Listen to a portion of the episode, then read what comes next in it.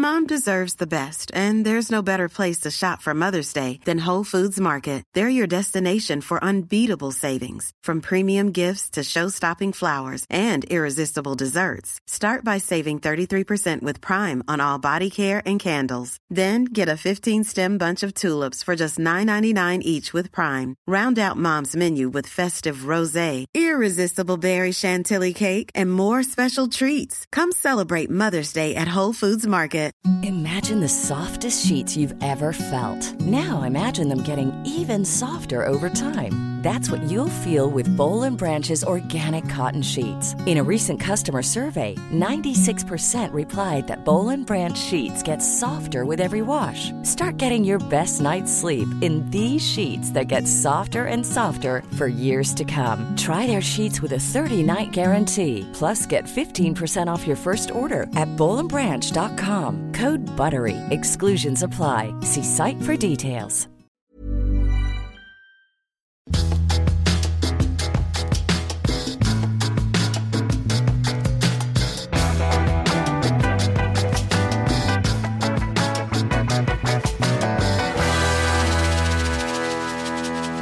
Hej och välkomna till eh, Hängpatte tänkte jag säga. Full patte. Full patte. Full patte med Anita Schulman och Ann Södlund. Det är mina vänner Lilla Lördag!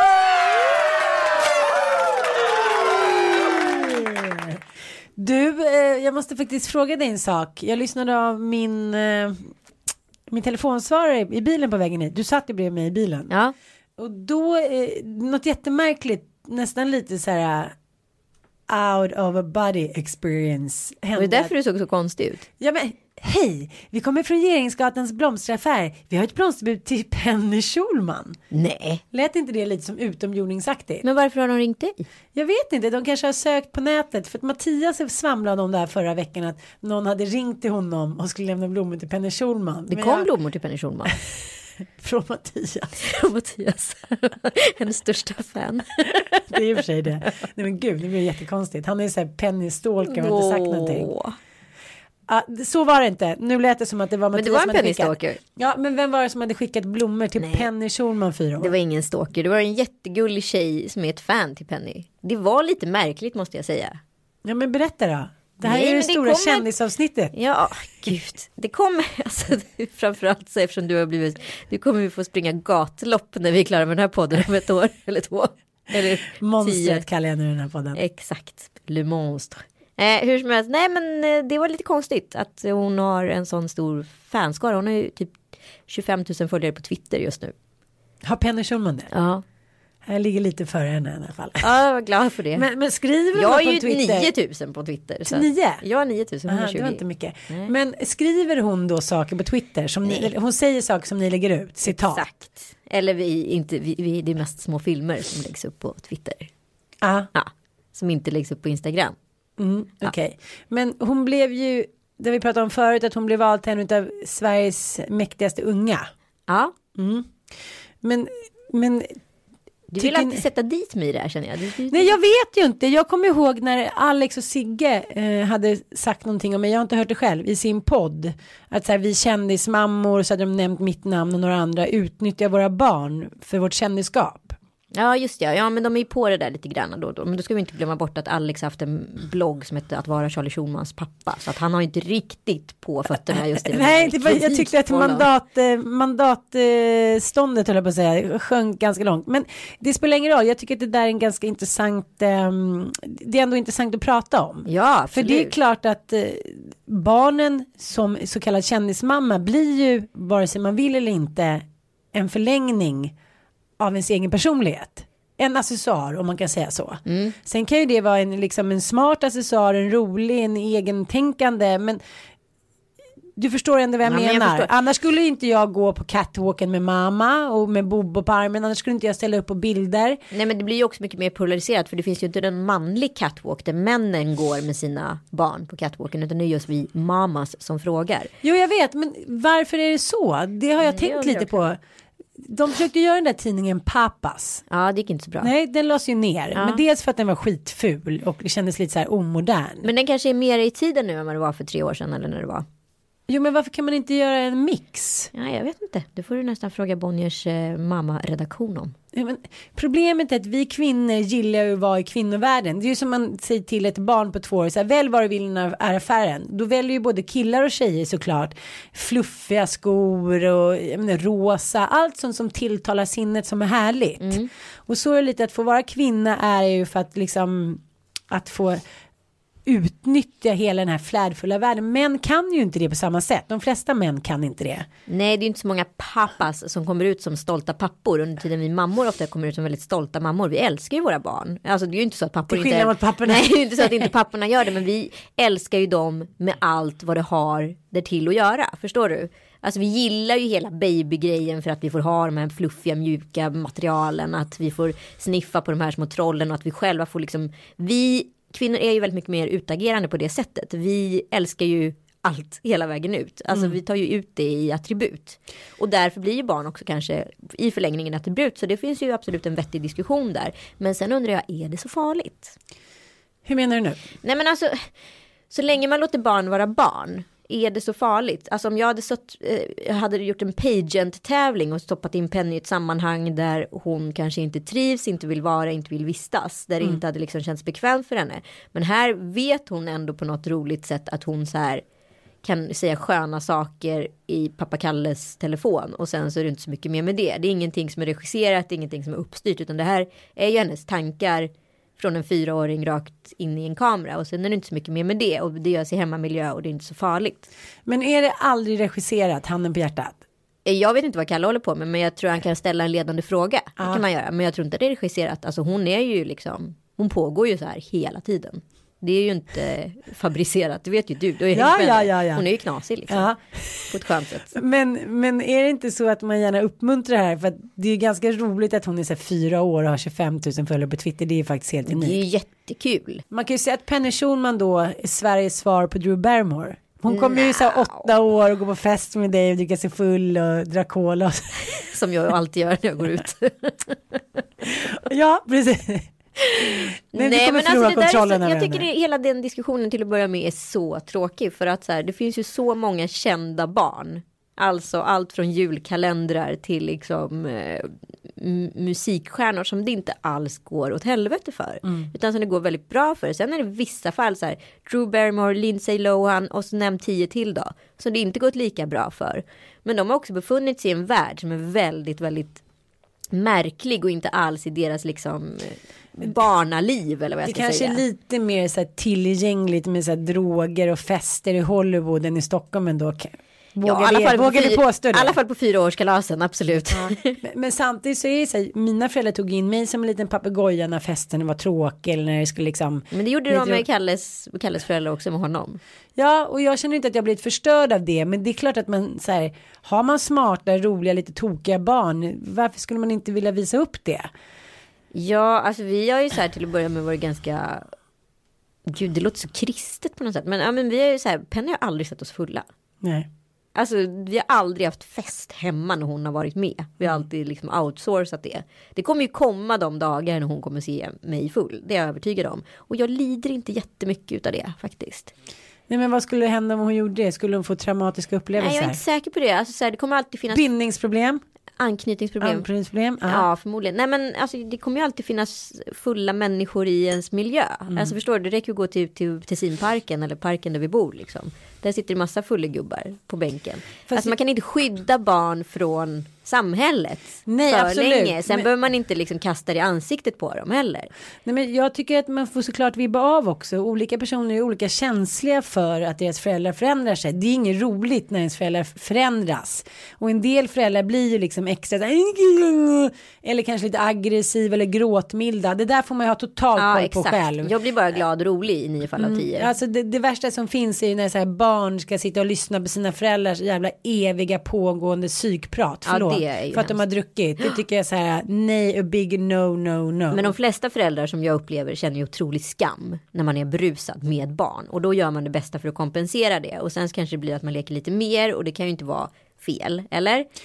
Men är det inte, handlar det inte om att så här, som vanligt att en mamma får inte dricka, hon ska alltid vara närvarande och ha kontroll, men en pappa kan gärna liksom sponka på lite i Cornelis Vreeswijk anda. Är det inte lite så faktiskt? Jo men absolut. Sen så tror inte jag liksom, alltså det är så tråkigt så fort man pratar om alkohol så ska det alltid vara, dras till sådana extremer. Alltså det är ju inte så att vi, du och jag, någonsin är dyngpackade så att vi krälar runt eller säger konstiga saker. Utan så här, om vi är lite tipsy då är vi ju bara lite, lite mer, alltså ska jag säga om Ann är 100% så är Ann lite tipsy 120% mm, och så är Anita med. Jag tror inte hon kan märka av den nyansen. Däremot kan hon ju märka av ifall mamma är jävligt sur dagen efter. Om hon är vresig, vrång, vill ligga kvar i sängen, är objussig, alltså sådana saker. Jag tycker mer det, jag tycker konstigt att det inte pratas mer om det i den här eh, spritromantiken eller sprit, eh, ja även banningarna.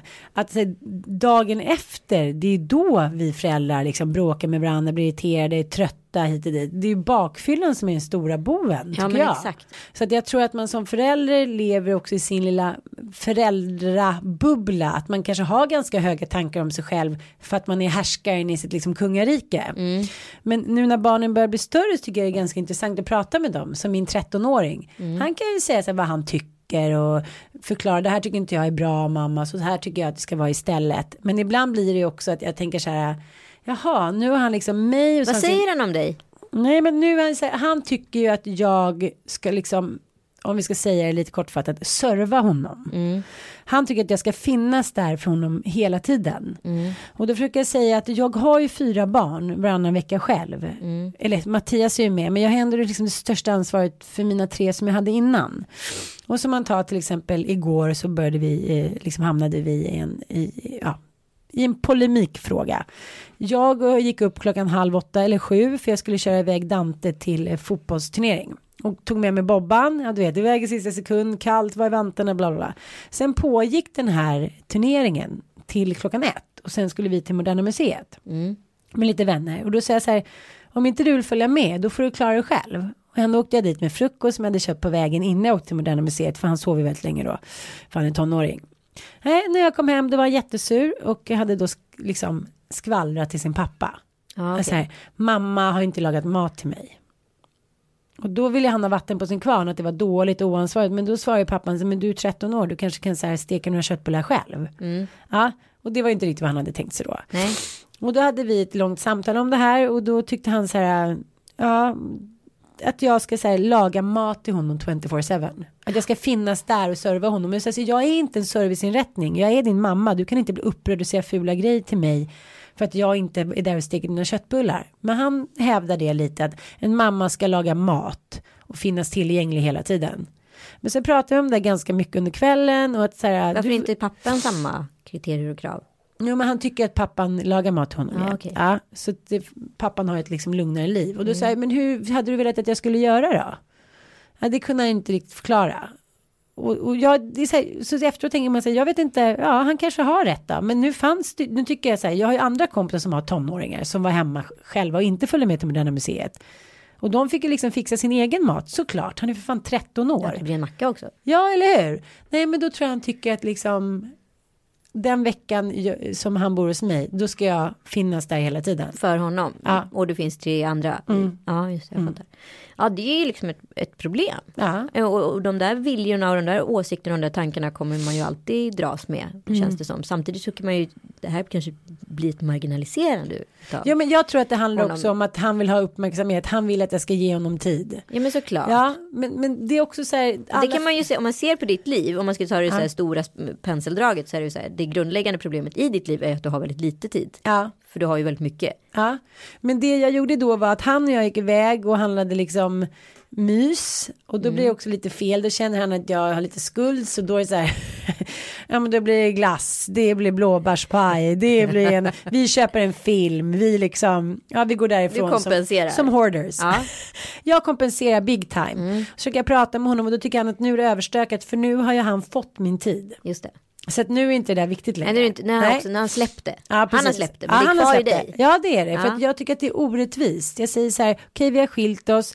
du får gilla läget, det händer liksom hela världen, folk har det mycket värre än vad du har det. Men jag säger bara att han trycker på en ganska enkel poäng när jag säger att så här, du har ju väldigt lite utav tid. Ja. Så att du vet ju att det är din stora skuldpuck mm. gentemot egentligen alla. Och, en, och det är klart att det blir värst när din förstfödda säger det. Ja, precis. Så då skulle vi ha myskväll då och se även Avengers 2 och eh, käka popcorn och chips och allt vad det nu var. Och sen så har jag köpt en segway till oss eller födelsedagspresent så den skulle också vara inne i vardagsrummet. Eh, Bobo skulle klättra upp, alla fyra skulle åka på den här segwayen samtidigt som att vi skulle kolla på den här filmen på typ I vardagsrummet? Ja, på liksom höjd, ljudvolymen 63. Till slut så satt jag och bara, psyket skulle faktiskt vara Var är ditt vadderade rum? Nej men alltså fyra room. unga mellan 1 och 13 som ska åka på en segway, dunka in i grejer, bråka om någon chips eller popcorn, ehm, sticka iväg ut, komma tillbaka, vilja spola tillbaka för de vill se en ny scen och mitt i och samtidigt få kärlek och pussar och liksom bråka om vem som ska sitta hos mamma. Ja, Mattias kom upp ganska snart, klädde av sig kläderna och gick in och la sig i sovrummet. Och där låg han resten av kvällen. Och jag försökte så här, gå ifrån ibland, men det var så här, men mamma du skulle ju vara med oss nu. Så att jag kände så här, varför sa ingen, apropå din debattartikel, om Ja. någon hade sagt hur det skulle vara att ha fyra barn i de här åldrarna, att man skulle bli galen, att det är galenskap, det är verkligen det. Det är ju liksom. galenskap. Och det kan vi ju så här, vå- det vågar vi ju stå för. Ja, men alltså det är ju det. Ja. Jag är ju helt slut Alltså när jag går ser man därifrån. från en situationen utifrån Nej, så skulle alltså- det här vara liksom ett gäng pundare som dräller runt hemma hos dig och liksom stökar och bökar. Alltså det är ju så här, det är ju exakt samma situation. Det här är ju bara att det här är små människor. Men de är- har ju samma så här känsloregister, de har ju samma så här, får samma highs på Ja, socker. Alltså det ja. är ju så jobbigt. Och det är det som man så här, när man ser det utifrån med de ögonen så blir det ganska komiskt. Ja, Men en- det är ju så jobbigt. Ja, men det är underbart också om det är så här, jag blir arg kanske 250 gånger under de här timmarna. Så bara, tysta Mattias försöker sova, tyst Bobo försöker sova, åk inte över tröskeln, åk inte på den här inomhus, okej åk lite lugnt då bara på mattan, ligg inte på varandra, nu gjorde han illa sig, någon gråter. Min Alltså, telefon åker i backen. Ja, alltså om det där skulle filmas. Mm. Jag säger så här, be aware sos. Ja, men jag har också sagt att så här, nu är jag helt inne på att vi måste göra det här. Vi har sagt att vi måste köra en timelapse i våran säng Aha, under en natt. vad är det? Alltså du vet en sån här, en timelapse är ju en sån här, en lång tagning som så här komprimeras ner till till liksom 30 sekunder. Du vet när man ser en soluppgång eller man ser liksom Ja, ja, en ja, ja. lavin Ja, ja. eller alltså du vet alltså någonting. Så, här, så många gånger människor byter plats i vårt säng, i vårt sovrum, i vårt liv. Alltså du vet det är så här, det är liksom en fars Mm. nattetid. Men jag hade ju lovat mig själv att nästa karaslok jag blir tillsammans med, om det skulle bli några mer barn, då skulle barnet ju inte få ligga i sängen. Nu ligger den i sängen. Jo, men för att jag tycker ändå att det förstör ganska mycket i relationer som jag tror då på ett, i alla fall minisprakande sexliv. När någon ligger på soffan för att barnen ligger i sängen. Ja. Eh, men så har det ju såklart inte blivit. Utan Bobban ligger ju i egen hög person och också ofta Dante. Ja. Mm. Och det är för att jag orkar, liksom vi orkar inte, vi orkar inte bry Nej. oss. Det är bara så här, lägger ner och var tysta och, och liksom så bara vi får sova. Så tänkte jag på när jag eh, pratade med Stina Dabrowski ganska länge om det där och hon sa att när deras barn var små, de hade också fyra barn, tvillingar och ja, fyra små barn. Då hade de liksom byggt in hela sovrummet med bara så här, ja men en stor säng var hela sovrummet så att de skulle sova. Ah. Och hon sa, liksom, vad spelar det för roll i det långa loppet? Men nej, jag vet inte. Jag Nej, men- tror ändå att det är bra att man liksom har en liten egen tid i sitt sovrum. Men så är det ju. Men samtidigt är det bara att checka ut den här tiden. Det enda jag tänker hela tiden är bara så här. Det är en fas det går över. Det är en fas det går över. Jag bara rab- rabblar det här jävla mantrat. För det enda sättet jag står ut och kan överleva. När jag liksom har en så här ett och ett halvt åring som alltid så här klättrar upp högst upp i våran våningssäng. Jag orkar inte ens, du vet så här, jag tittar bara på honom nu så bara hoppa då din jävel. Gör det. Hoppa då din jävel. Jag orkar inte med dig mer. Inomhushjälm och grejer, Ja. ingenting hjälper. Nej. Han är vad han är, men Ja. det kommer ta slut en vacker dag. Han är crazy banana. Han är crazy banana. Ja. Man ser också på hans, han är nästan som en sån dreglande hund när han går, hans blick. Men det är liksom som att ha en liten björnunge hemma som bara så här kör på liksom. Bobban är ju mer så här, han håller sig mer på mark. Ja. Han går, fast nu har han också börjat klättra upp i våningssängen faktiskt. Nej men nu har han ju, alltså han tar ju alltså mina smycken. Han har liksom lyckats knäcka koden till att öppna ett smyckeskrin som jag försöker flytta på och flytta om. Och han letar sig dit så öppnar han det och så tar han mina smycken och så går han och slänger dem i olika papperskorgar. Så hittills så fattas ett diamantörhänge och ett jättedyrt armband. Alltså du vet jag, har som panik. Men det är som att han vet. Mm, han Men vet. De vet ju. De vet. Ja. Mm. Oh, Det är ja. också att han bara, Bobo klättrar ju upp då eh, fönsternischen. Han ger sig inte på mina så här loppisfynd till ljusstakar utan bara de dyra. Wii, kasta ner, wii. Exakt. Nu har han börjat också ha hårspänne, han har så långt spretigt. Jag gick ju till frisören med Tom Allan. Gjorde du? Ja. Och I did a cut. Han Gjorde är ju kort, alltså han är så söt nu va? Ja, han, han- blev liksom en liten pojk. Men du kan inte jämföra Tom Allans hårsman med typ Bobos stripiga dreads med matrester i. Så Det, gör det är bara inte det på samma av dag. det. Bara klippa av dem. Klipp bort dem med matrester i. Jag vet inte, jag tvekar. Jag tvekar fortfarande. Nej, men jag, jag tänker ofta på att det är så väldigt många som har så mycket åsikter, inklusive du och jag, men som inte lever som de lär. Ja. Allt från så här Anna Wahlgren, jag, jag behöver inte nämna några namn och det är också den här med flyktingfrågan. Att det, jag tycker det är helt underbart att alla hjälper till. Jag tycker verkligen det och jag tyckte det var roligt att Schyffert så skämtade om att han hade en 28-årig eh, syr, syriansk tjej hemma i sin säng och hit och dit. Men det jag tänkte på var också om man skulle gjort tvärtom. Fan vad kul det hade varit om Camilla Läckberg hade gått upp där. Eller om Nor hade gått Ja, där. ja Nora hade sagt så här, ja men jag, jag tycker också att ni, eh, ni borde göra som jag, ta en så här stekrik gammal gubbe. Som så här, tar in er till ert lyxiga hem. Alltså om man hade vänt på steken. Ja, jag tänker exakt. ofta så här, kan de inte bara vända på steken en hur? gång till? Det blir så mycket roligare. Exakt. Ja men då skulle jag faktiskt ge lite cred då till den här kvinnan nu. Ja. Fångad av en främling. Fångad av en främling. Nej, Var det Schyffert blev.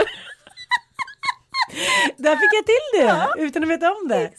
Nej men jag tycker att det är jättefint att folk ger bort liksom företagsgig och det, det som jag säger så här, skit i på vilket sätt det görs bara det kommer fram pengar.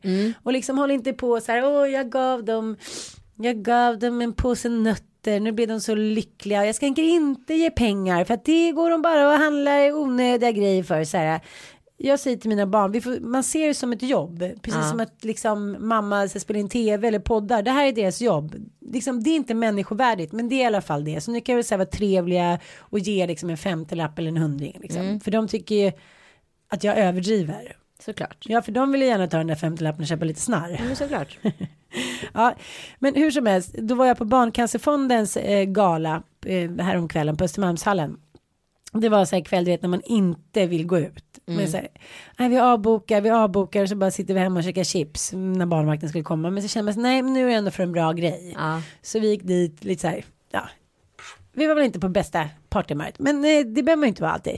Men då gick vi dit i alla fall och då var ju dels Arne Weise eh, som bara tog all eh, tid i besiktning som bara pratade och pratade och pratade och pratade men erkände också att så här, jag älskar att vara kändis. Eh, men sen var ju också Carola där och hon inhyser ju nu sju fl- eh, flyktingar i sitt hem. Är det sant? Fan vad cool hon är ändå. Ja, hon har så här bjudit in dem, de bor där, de följer med i hennes vardagsliv. Med hennes dotter när hon spelar in grejer och de var också med på den här fina Östermalms övergala med Grete Philipsson i högsta hugg. Nej vad Och det roligt. var ju så här, då måste jag ändå säga, hon må vara liksom lite så här för kristen, lite för halleluja för mig. Men hon så här, hon är ju på riktigt. Ja. Hon är på riktigt när hon gör de där grejerna. Hon Ja. tror på det. Hon vill leva för det stora ljuset och medmänskligheten och hennes stora liksom syfte här i livet och hennes kall och hon lever i, i samklang med kärlek och bla bla bla bla. Och hon tar i alla fall dit dem, hon är med dem, hon liksom lever ett liv istället för bara så här, ah, men nu bara gjorde jag ett gig eller nu gav jag en 50-lapp som jag gör eller nu gick jag dit med mina gamla gympadojor. Hon lever som hon lär och det ska hon fan ha cred för tycker jag. Absolut. Heja Carola. Heja Carola, Heja Carola. fångad av en främling. Fångad Natt- främling. Det är så roligt. Tack. Alltså det var det enda skvallret jag hade. Jag har ju varit på två riktiga kändis-shebangs i helgen. Eh, på fredagen så hade Bindefält en lunch på ett hem. Om, för de som inte har varit där så tycker jag verkligen att man ska gå dit för det är så sjukt fint. Ja, faktiskt Det är skitfint. det finaste Mm. stället i Stockholm. Helt ljuvligt. Ja, helt ljuvligt. Eh, och eh, det var ju väldigt spännande med så många liksom superpower kvinns. Vilk, just det, vilka var ni nu då? Nej, men alltså det var Blondinbella. Det var Katrin Zytomierska. Det var eh, Andrea Engsell. Oj, nej. Jo, Men André, det var Andrea, Andrea Bodin. Det var Emilia de Porret. Det var Pernilla Wahlgren. Sofia Wistam. Eh, gud, jag har glömt någon. Alltså det var hur många som helst. Alla var där. Mm. Jag. Forni.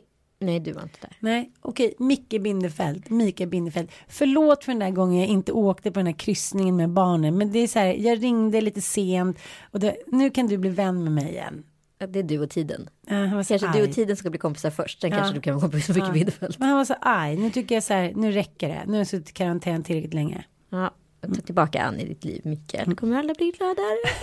eh, nej men det var väldigt speciellt för alla är ju så Oftast när man är på en sån här middag så är det någon som så tar ordet och liksom Ja. vill vara liksom peacocken. Du Men sa att det var en lunch. Ja, men du vet. Som är vilken middag. Ja, exakt. Den börjar ett, slutar fyra liksom. Ja.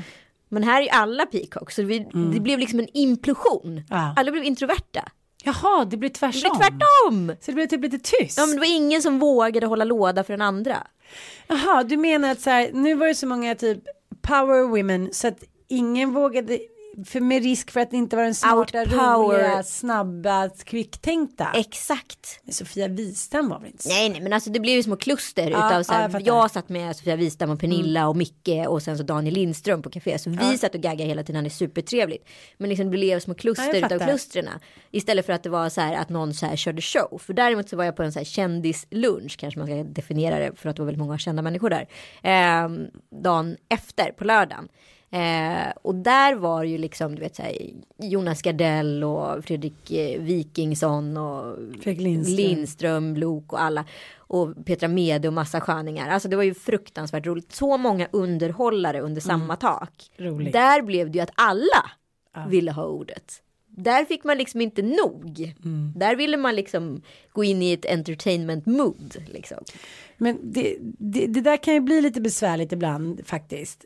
Som när, när min, ja men ibland till exempel när man är på middag med Filip Hammar. Ja. Som jag älskar. Men när han kommer igång, det, man får ju inte in en syl i vädret. Och i vissa kvällar är det bara, det är så härligt ibland att bara sitta och bli underhållen. Exakt. Men, Men du är man- ganska glappkäftig själv så det måste vara skitsvårt. Ja, men jag bara tänker så här om någon kommer utifrån Ja. och sitter och lyssnar på det, de måste ju tycka att så här, Ja, jag tänker på det ofta. att sådana jävla självupptagna, jävla Jävlar. uppblåsta idioter. Ja, men Ursäkta. till och med. Ja, men det måste folk tycka om en ju. När man sitter där och bara bla bla bla. Men vad handlar det om då? Det handlar om att så här, när det är så många, jag menar, när du var på din kvinnolunch, Ja. då var det ju kända kvinnor, men jag tycker så här, när det mest är kvinnor, då blir det så här, vi har dålig självkänsla, då får, man, då får alla någon unison dålig självförtroende tror jag. Mm, kanske. Förstår du lite vad jag Eller menar? vill så här outsmart. men Dels också för det finns så här. Det här är ju så roligt ändå. Att det finns så här mediala konflikter. Mm. Många av de här kvinnorna, inklusive mig själv, har ju mediala konflikter med någon annan vid, vid det här bordet. Mm. Men den, då vågar man liksom inte adressera det. Och man vågar inte säga du, fan vad dumt det jag sa, nu går vi vidare, chip chop, nu är det bra. Utan fattar, då så här, hej, gratulera, gratulera, gratulera till alla Ah. framgångar här. Och så sitter vi och håller, ja. Men Det är inte- falskt. Ja men det är falskt. Men ett spel är för ju här, liksom, är det spelet som måste spelas? I guess. För att maktordningen ska liksom upprätthållas? I guess så det är ingen som vill sta- starta en hierarkisk eh, reglering här. Förstår Nej, du? nej, det är ingen som vill vara så här. I'm the queen at this table. Nej. Men det måste ändå ha att göra med att när män är med då börjar de ta plats och då kan de kvinnor som också vågar ta plats. Och exakt det hände ju nu. Ja, det fanns ju liksom. Mm. tre snubbar vid den här lunchen. Och de fick ju kvinnorna att slappna av. Förstår du? Ja jag fattar, jag Ja, fattar. för det var ju tvungen att regleras på något sätt. För att vi satt ju liksom och höll käften. Mm.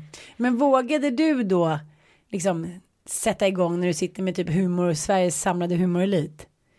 Eller håller du också ganska så här, jag håller mig lite i bakvattnet här och är lite gullig och het. Nej men då får jag, alltså så här, det, det är lite som, det är som att spela mammor. Alltså så här, jag är ju inte skådisutbildad överhuvudtaget. Men det som, det som Jerry Hall sa en jävligt bra grej en gång så här, umgås man med smarta personer så blir man smart.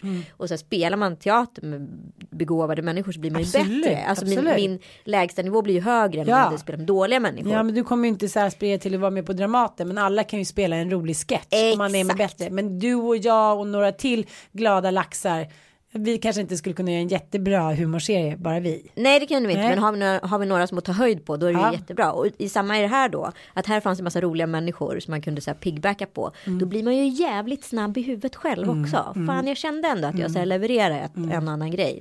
Jo men det är därför kvinnor dras till snabba smarta män med makt. Mm. Jag kan inte hitta någon annan förklaring än att man själv känner sig upphöjd, smartare, snabbare, roligare. Alltså förstår jag vad jag menar? Ja. Som Woody Allen, om han inte var så här smart, snabb, rolig och lite så här weird. Jag menar, om rent utseendemässigt så händer det ju väldigt sällan att en Woody Allen typ till kvinna sopar hem liksom årets hetaste man. Nej, verkligen Nej, inte. nej. Och det tycker jag är så jävla synd. Men jag hoppas att det kommer ändra sig. Det hoppas jag med. Men jag tycker att det ändrar sig.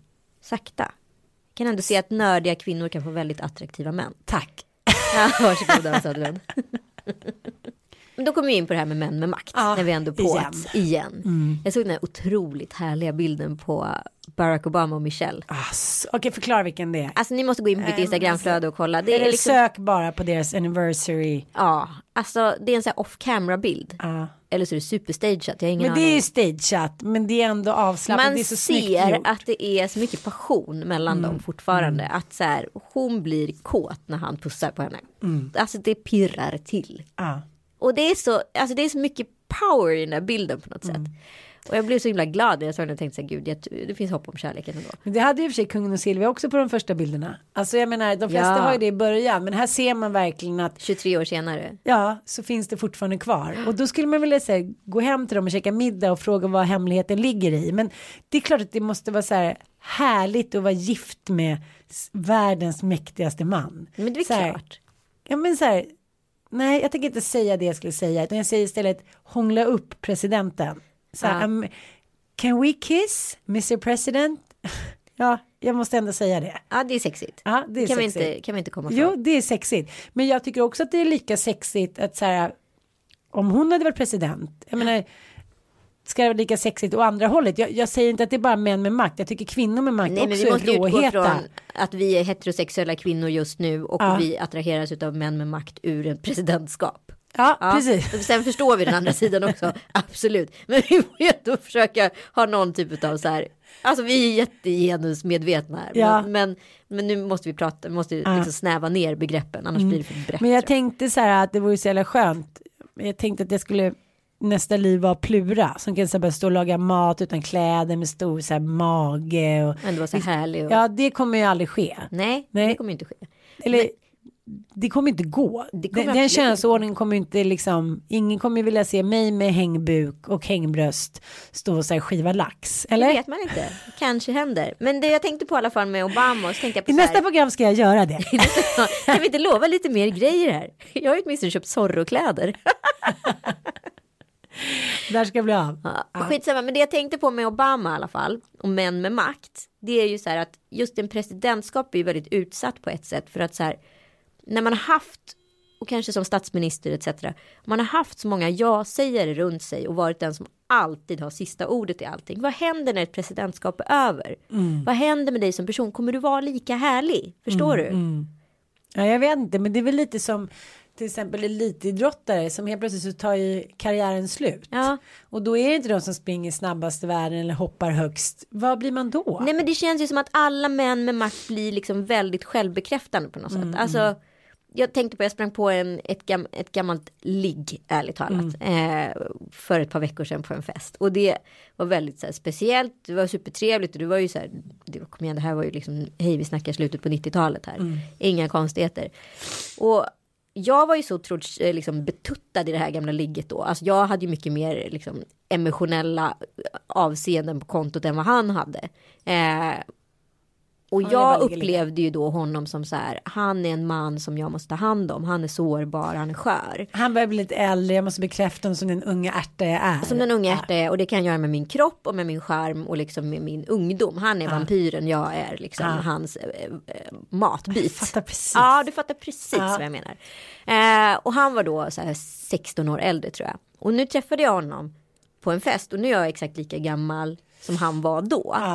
Och han har då blivit 16 år äldre än mig. Och jag bara så såg så här, jag bara så såg igenom honom. Förstår du? När man Det var var så här, inte lika hett längre. Nej men alltså så här, nu var ju han den patetiske. Förstår du? Nu var ju han den som var så här. Som inte hade så här släppt taget och gått vidare. Som så här efter två Han glas. stötte. Två glas vin fick lite feeling och så här. Ville prata om gamla minnen, gamla tider liksom. Eh, och man var så här, men jag har ju kommit, för mig har det gått 16 år. Ja. Och jag har vuxit upp blivit kvinna eller vad jag ska kalla det för. Och nu ser jag Att du var inte alls sårbar och svag. Du var patetisk. Och det är du fortfarande. Men tyvärr så skulle man vilja hoppas att Sara Larsson-generationen inte behöver gå igenom hela den metaforen. Att man först ska vara en Lolita som ska bekräfta de äldre männen för att de är sårbara och så här behöver ens un ungdomliga vitalitet.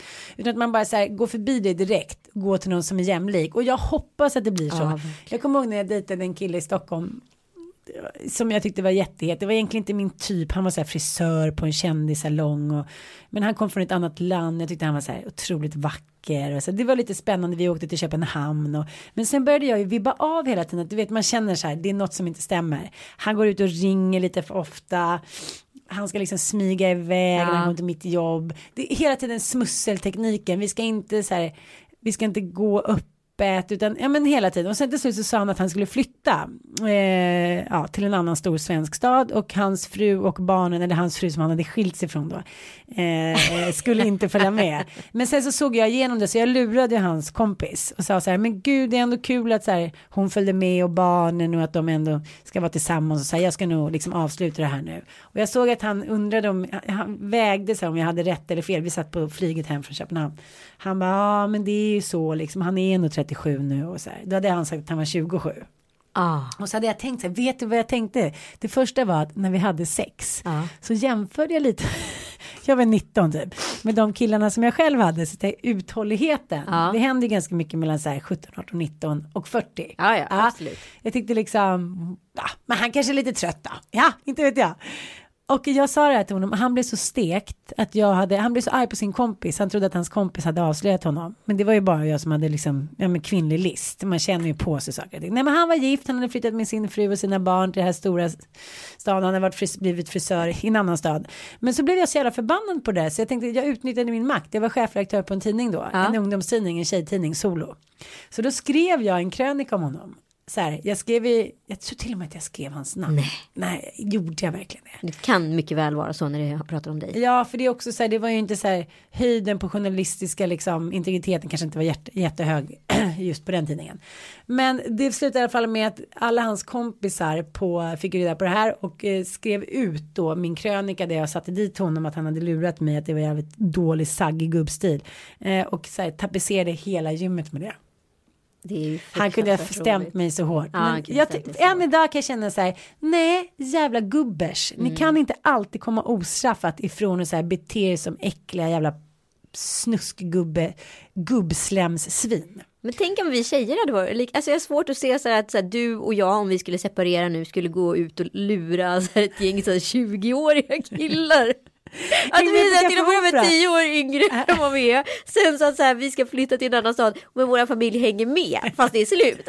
Alltså, jag har svårt att se det. Jag var ju så här, ska man vara älskarinna eller älskare så ska man då får man ju liksom ställa upp ja. på, på det det handlar om. Men jag tycker bara att folk ställer upp lite för mycket på att så här, ens partner vänstra. Jag fattar inte riktigt, men det har vi pratat om förut. Men, ja. ja man kan ju bara prata om det hur mycket som helst. Men ja, jag tänkte på en annan grej, för det kan ju finnas en grej i det här. För jag tänkte på den här snubben som jag har varit med. Alltså han hade sin så storhetstid då, liksom, slutet ja. på 90-talet. Ja. Jag tänkte så mycket på så här på så här, allt från så här Lennon McCartney, just i mm. Lennons fall, han dog ju ändå i, i någon typ av stor era där, men liksom McCartney som blev så känd för någonting så tidigt i livet. Eh, och sen så har ju liksom fortsatt i samma folla mm. men liksom gjort en annan karriär och liksom utvecklat sig musikaliska talang åt ett annat håll och är involverad i massan mm. liksom välgörenhet och, mm. etc. Vad konstigt det vore att hela tiden så kastas tillbaka till någonting som man gjorde mellan så här, vad ska jag säga, 16 och 30. Liksom. Oh, och var liksom velat. känd för det. Jo, men han är ju faktiskt en av de få, det är ju bara om, tycker jag, de mest begåvade som går vidare. De flesta hamnar ju lite i ett kluster. Men jag tänkte på det när jag gjorde eh, din bästa tv-serie, eh, vad hette det nu, Kändisdjungeln. Ja, jag tänkte, tänk om du, ja. alla hade fortfarande pratat ja. om Kändisdjungeln. Hur hade men, det varit? Men det som är så svårt tycker jag att när man har fött sina första barn, man hamnar lite i skuggan, eh, man vet inte riktigt vad man ska göra. Jag hade varit på femman, det hade inte gått något bra. Eh, och jag fick då erbjudande om att vara med i det här och jag sa nej. Och sen så blev det mer pengar och sen sa de att det var jätteroliga kändisar.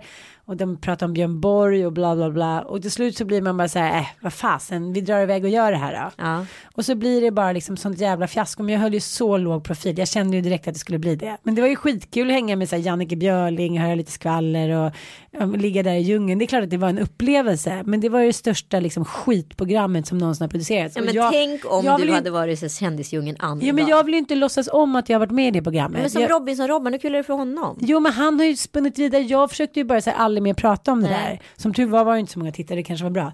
Men det som jag kände då när jag umgicks då med Inger Nilsson som är Pippi Långstrump. Att hon å ena sidan gnällde väldigt mycket över att hon hade fått vara Pippi Långstrump hela sitt liv. Men å andra sidan så blir det så här, det blir väldigt konstigt, det blir väldigt kontraproduktivt för att hon tackar också ja Ja. till att vara med i så här, hon lever ju på att åka till italienska och tyska shower och vara Pippi Långstrump. Men samtidigt så var det så här, men hon tyckte att det var hennes livsförbannelse.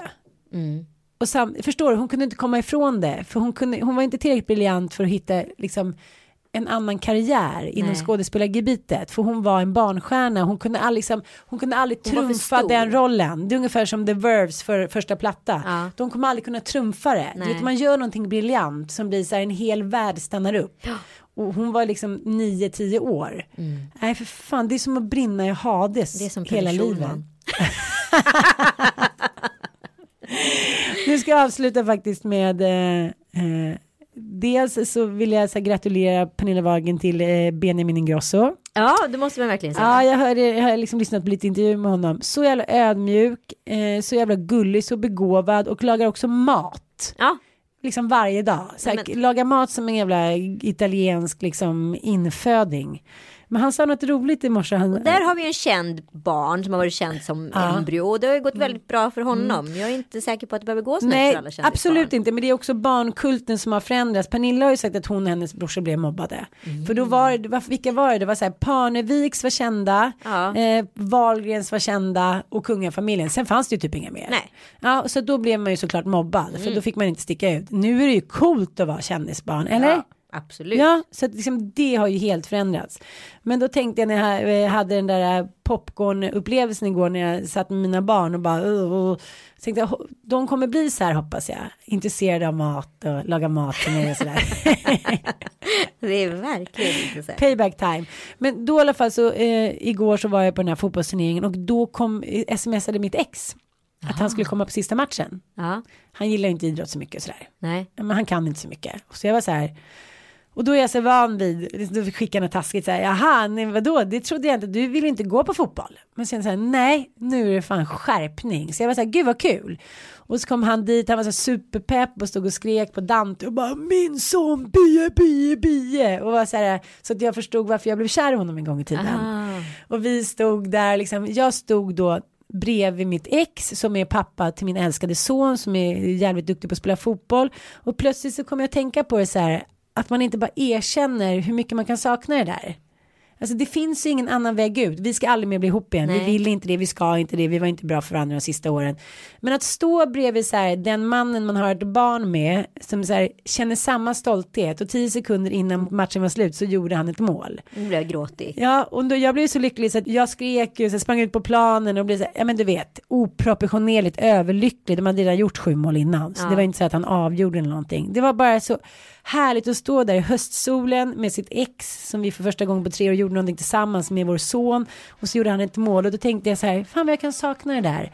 Det finns ingen annan som kan ha den där känslan för mina barn som pappan till mina barn när det känns som allra jobbigast är om man separerar, vilket man gör efter liksom mycket våndor och här, tankar och problem och tandagnisslan och Det gråt. finns inga bra separationer. Nej det gör inte det, men man tror ju faktiskt att det ska kännas som liksom att livet runnit ifrån en, men det gör ju inte det. Det finns en annan sida också. Det gör det och det, här, det här var det man gjorde och det fanns inget annat alternativ. För att leva tillsammans med någon man inte älskar längre och som man inte utvecklas med, det är ju så här tortyr både för en själv och för barnen. Så att en dag kommer du stå där i solen, om du nu är nyseparerad, med ditt ex och så här jubla tillsammans och det kan vara lite fint. Jag älskar dig. Älskar dig.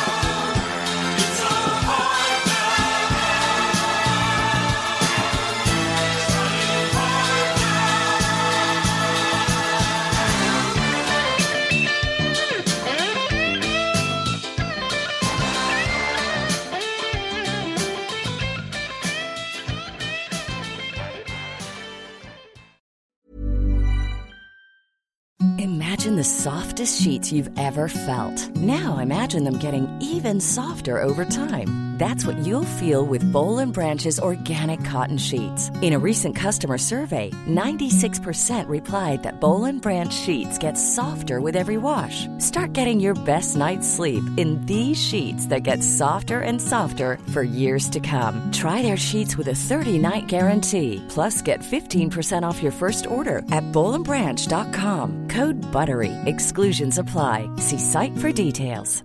Planning for your next trip? Elevate your travel style with Quince. Quince has all the jet setting essentials you'll want for your next getaway, like European linen, premium luggage options, buttery soft Italian leather bags, and so much more. And is all priced at 50 to 80% less than similar brands. Plus, Quince only works with factories that use safe and ethical manufacturing practices. Pack your bags with high-quality essentials you'll be wearing for vacations to come with Quince. Go to quince.com slash pack for free shipping and 365-day returns.